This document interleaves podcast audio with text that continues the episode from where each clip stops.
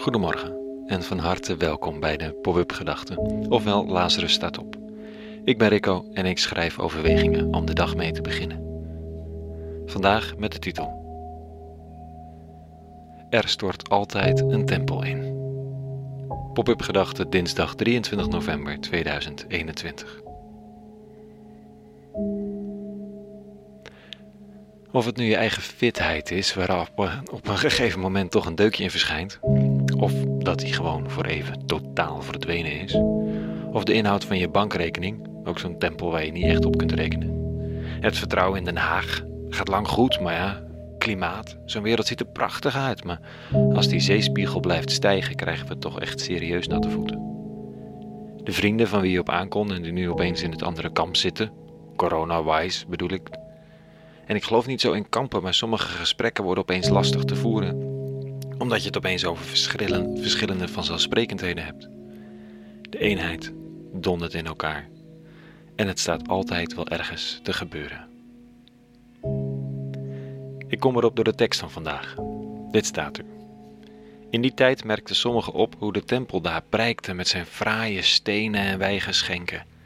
Maar Jezus zei: Wat ge daar ziet, er zal een tijd komen dat er geen steen op de andere gelaten zal worden. Alles zal verwoest worden. Ze vroeg hem nu, meester, wanneer zal dat dan plaatsvinden en wat zal het teken zijn dat dit gaat gebeuren? Maar hij zei, wees op uw hoede, dat u niet in dwaling gebracht wordt. Nou, hij is ook niet de vrolijkste onder je vrienden, hè, die rabbi. Kijk, mooi hè? Ja, gaat kapot. Wacht maar. Klinkt depressief. Dan kan het ook gewoon verdriet zijn verdriet over de keuzes die gemaakt worden door de mens al heel lang. Misschien denkt een gelovige dat zo'n tempelvernietiging een straf is op de zonde, en ander denkt toeval. Maar een Bijbels historicus zei: Het ruist van opstand onder het Joodse volk. Begrijpelijk ook, want het was niet relaxed leven onder de Romeinen. Het ruist, ruist van opstand en dat gaat dit volk duur komen te staan.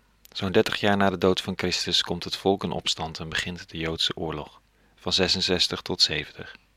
Die wordt neergeslagen en de tempel wordt compleet verwoest. Geen steen op de andere.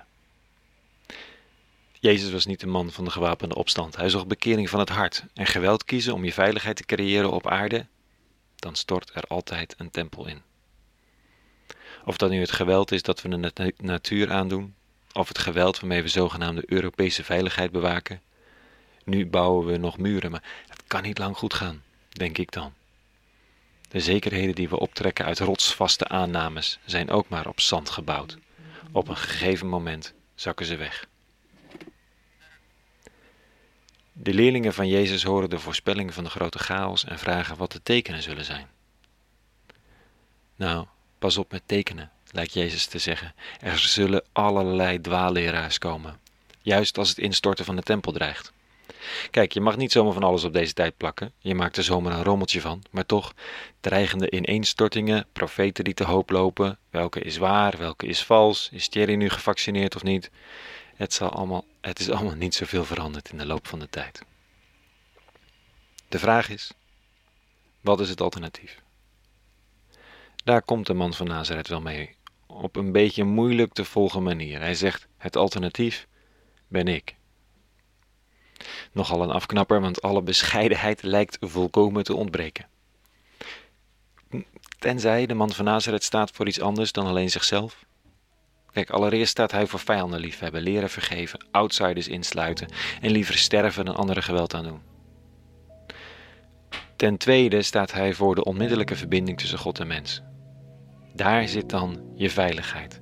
Geen steden, grenzen, tempels meer nodig om je veilig te voelen, geen geweld om je plek op aarde te bevechten. Je bestaat al lang. Je bent gezien en geliefd. Het leven kan pijnlijk zijn, maar er kan je niet zo heel veel gebeuren. Dat is waar de man van Nazareth voor staat. En dan snap ik al beter dat hij het alternatief is voor gewijde stenen en dikke muren. Tot zover vanochtend. Een hele goede dinsdag gewenst en vrede en alle goeds.